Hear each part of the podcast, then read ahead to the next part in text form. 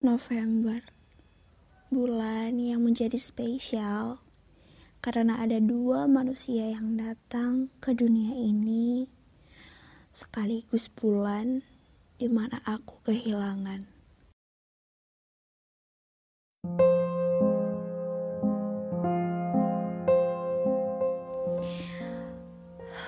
Kenangan yang bikin aku campur aduk setiap kali berjumpa dengan bulan November. Why? Ya, karena bulan ini mengingatkanku bahwa ada tiga peristiwa yang hadir dan cukup terngiang di kepalaku.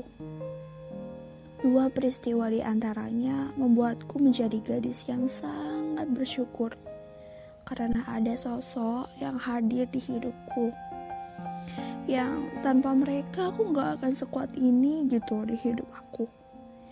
Dan tanpa mereka juga aku nggak akan mm, wanita yang berharga. Ya mereka adalah bapak dan kakakku. Maaf ini. Kenapa jadi menetes gini ya? Uh, mungkin saking terharu gitu. Tapi di satu sisi juga ada pahlawanku yang aku kehilangan juga di bulan ini. Dia tanpa pamit, bahkan kami juga terhalang jarak pada waktu itu. Aku ingat momen di mana aku menjadi manusia serapuh-rapuhnya karena dia pun udah pulang ke rumahnya yang asli gitu.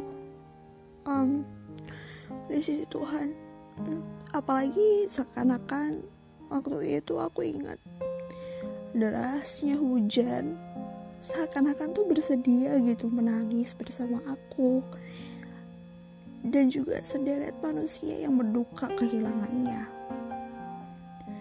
Jadi setiap aku memasuki bulan November tuh meskipun pada tahun yang berbeda mengalami momen yang berbeda tapi ketika memasuki masa-masa yang sulit gitu, menyadarkanku bahwa kita harus tetap teguh.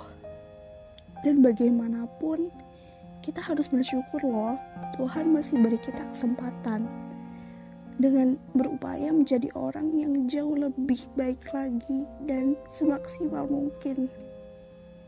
Karena kita nggak akan tahu juga kan kapan kita udah nggak ada lagi gitu dan untuk bulan ini barangkali masih disibukkan dengan permasalahan bahkan sampai mengurangi kedekatan kita kepada sang pencipta.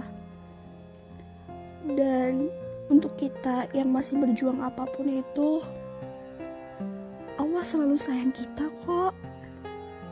Dan kalaupun berat aku yakin kita bisa bertahan Semoga pundaknya, hatinya dikuatin lagi ya. Tentunya kamu sudah menjadi yang terbaik kok untuk versi diri kamu sendiri. Gitu.